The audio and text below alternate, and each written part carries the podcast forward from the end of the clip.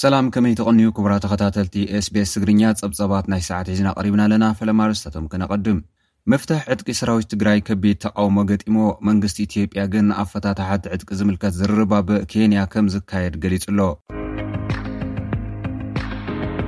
ሰራዊት ናጽነት ኦሮሞ ንሓንቲ ካብ ፖለቲካዊ ጽልዋ ዘሕድራ ከተማታት ኦሮምያ ዝኾነት ነቀምት ተቖጻጺሩ። ኤምባሲ ኤርትራ ኣብ ብሪጣንያ ንክፍሊት ክልተ ሚእታዊት ዳያስፖራ ኣመልኪቱ ዝቐረበሉ ክሲ ነጺግዎ።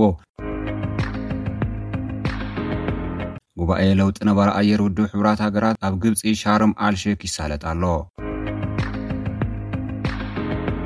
ኣርስታት ጸብጻብ ክትከታተሉ ጸኒሕኩም ክቡራት ተኸታተልቲ፣ ሕጂ ናብ ዝርዝራቶም ክንሰግር።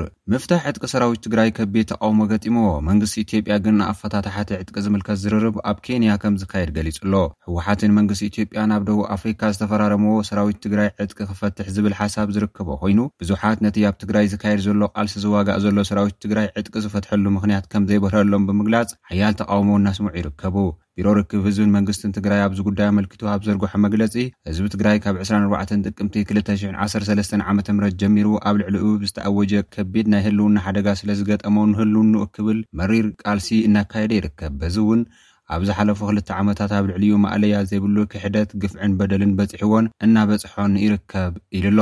ኣስዒቡ ድማ መንግስቲ ትግራይ ኣብ ዝርዝር ዛዕባታት እዚ ስምምዕ ብቐፃልነት መብርህታት ዝህብ እንትኸውን ዝተፈላለዩ ኣካላት ብፍላጥ ይኹን ብዘይፍላጥ ካብ ዘይተማልኣ ሓበሬታ ንመረዳእታ እናተበገሱ ብዘናፍስዎም ዘለዉ ወረታት ኣብ ውሽጥን ኣብ ደገን ንዘሎ ህዝቢ ከደናግርዎ ዝንቅሳቐሱ ኣካላት ከምዘለዉ ንዕዘብ ኣለና። መንግስቲ ትግራይ ህልውና ህዝቢ ትግራይ ንምውሓስ እንተዘይኮይኑ ንህልውና ህዝቢ ትግራይ ዝጎድእ ዝኾነ ዓይነት ስምምዕ ኮነ ስጉምቲ ከምዘይወስድ ብዝግባእ ተረዲእና ኣብ ዝርዝር ጉዳያት ብቐፃልነት ተኸታተልቲ መብርህታት ከምዝህሉ መንግስቲ ትግራይ ከፍልጥ ይደሊ ክብል ሓቢሩ።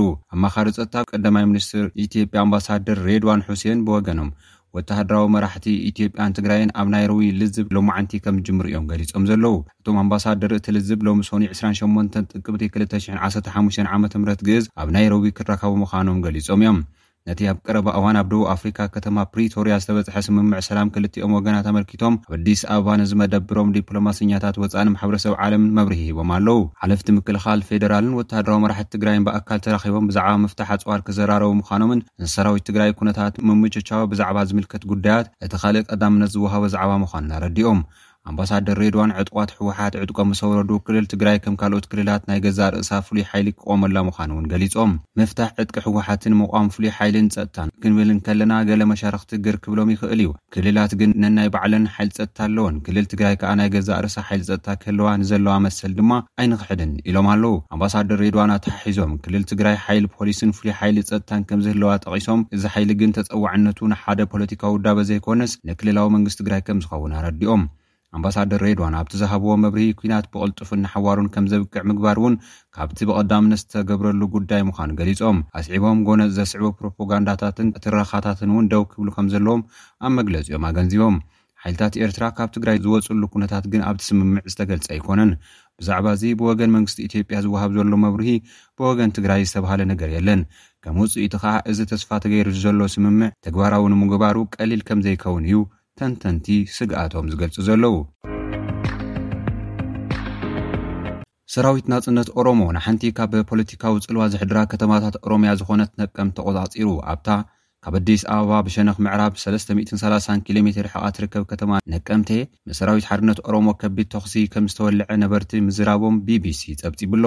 ኣብ ኣሜሪካ ዝነብር ኣህጉራዊ ወሃቢ ቃል እቲ ሰራዊት ኦዳ ተርቢ ድማ ሰራዊቶም ነዚ ስርሒት ከምዝቕፅለሉን ኣብ ምዕራብ ኢትዮጵያ ንዝርከቡ ወተሃደራዊ መዓስከራት ዒላማ ከምዝገብርን ሓቢሩ። ብመሰረት ሓበሬታ ናይቶም ነበርቲ ትማሊ ሰንበት ወጋሕታ ዝኾነ ሰብ ምንቅስቓስ ከይጀመረ ናብታ ከተማ እቶም ዕጡቓት ከምዝኣተው ኣብ ማእኸል ከትማ ብርትዕ ምልውዋጥ ተኹሲ ከምዝነበረ እቲ ተኹሲ ኣብ ከባቢ ወተሃደራዊ መዓስከር ናይታ ከተማ ከምዝተኻየደን ኣብ ልዕሊ ሰራዊት ኢትዮጵያ ከምዝተኸፍተን እዮም ሓቢሮም። ብወገን መንግስቲ ኢትዮጵያ ግን ብዛዕባ እዚ ዝተባህለ ነገር የለን።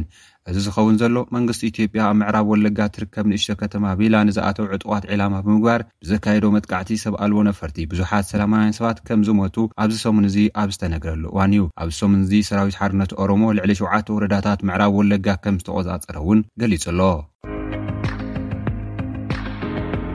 ኤምባሲ ኤርትራ ኣብ ብሪጣንያ፣ ክፍሊት ክልተ ሚእታዊት ዳያስፖራ ኣመልኪቱ ዝቐረበሉ ክሲ ነጺግዎ። ኣባል ባይቶ ሃውስ ኦፍ ሎርድስ ዝኾነ ሎርድ ዴቪድ ኣልቶን ዝፈረመሉ ጸብጻብ መንግስቲ ኤርትራ ብተዘዋዋርን ምናልባት እውን ብዘይሕጋዊ ኣግባብ ካብ ኤርትራውያን ዳያስፖራ ኣብ ብሪጣንያ ክልተ ሚእታዊት ካብ ኣታዊታቶም ግብሪ የኽፍል ከም ዘሎ እዩ ዝኸስስ። ኣብ ዘይኽፈለሉ ኣጋጣሚ ድማ ሳዕቤኑ ካብ ምንፋግ ቆንስላዊ ኣገልግሎታት ክሳብ ምስርጣይ ነቶም ኣብ ኤርትራ ዘለዉ ቤተሰብ ከይተረፈ ይፈላለ፣ እዚ ድማ ምግዳድ ክኸውን ይኽእል እዩ ኢሉ ኣሎ። ኤምባሲ ኤርትራ ኣብ ለንደን ነቲ ክሲ ኣመልኪቱ ኣብ ዘውጽኦ ጋዜጣ መግለጺ ግን እቲ ግብሪ ረዲኤትን ዳግመ ሕውየትን ኤርትራ ዝበሎ ክፍሊት ብምፍርራሕን ምግዳድን ከምዘይፍጽመሉ ገሊጹ'ሎ። ሎርድ ኣልቶንን ተሓባበርቱን ንኤርትራን መንግስታን ንምህሳይ ማዕረ ክንደይ ነዊሕ መገዲ ከምዝኸዱ ፍቓደኛታት ምዃኖም ዘርኢ ተወሳኺ ኣብነት እዩ ክብል ነቒፉ። እቲ ኤምባሲ ናብ ኤርትራ ንዝስደድ ሬሳታት ከይተረፈ ግብሪ የኽፍል እዩ ንዝብል ክሲ'ውን ሓቅነት ዘይብሉ ኣበሃህላ ብምባል ነጺጉዎ'ሎ።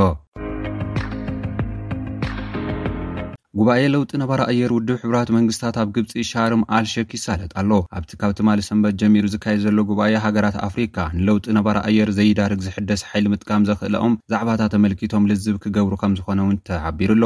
ኤጀንሲ ለውጢ ነባሪ ኣየር ውድብ ሕቡራት መንግስታት ኣብ ዘውፅኦ ሓበሬታ ኣብ ኣፍሪካ ሚእትን ዓሰርተ ሽዱሽተን ሚሊየን ሰባት ኣብ ትሕቲ ፀፍሒ ባሕሪ ከምዝርከቡ ዝገልፅ እዩ። ብምዃዱ ድማ ከም ኣቆፃፅራ ኣውሮፓ ኣብ ክልተ ሽሕን ሓምሳን ሃገራት ኣፍሪካ ምስ ለውጢ ነባሪ ኣየር ተተሓሒዙ ፅዕንቶታት ንምግታእ ሓምሳ ቢልየን ዶላር ፈሰስ ክገብራ ትፅቢት ከምዝግበር ኣረዲኡ። ኣብቲ ኣብ ግብፂ ዝካየድ ዘሎ ጉባኤ ብሓፈሻ ልዕሊ ኣርብዓ ሽሕ ሰባት ዝሳተፍሉ እንትኸውን ሚእትን ዕስራን ሓደን መራሕቲ ሃገራት ክርከቡ እዮም ዝብል ትፅቢት ከምዘሎ ኣፍሪካ ኒውስ ፀብፂቡ ኣሎ። መራሒ ኢትዮጵያ ቀዳማይ ሚኒስትር ኣብይ ኣሕመድ ዝርከቦም መራሕቲ ከኣ ኣብቲ ጉባኤ ንምስታፍ ናብ ግብፂ ኣትዮም ኣለዉ።